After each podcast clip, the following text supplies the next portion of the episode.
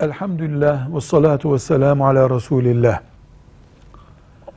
Zekat başka bir ibadet, kurban başka bir ibadettir. Elimizdeki altınların zekatını vermemiz gerekiyorsa zekatını veririz.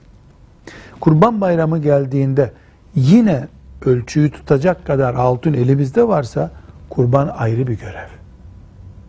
Kurbanı zekatını vermiştik diye yok saymayız.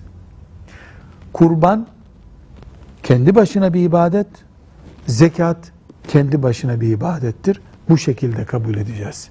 Velhamdülillahi Rabbil Alemin.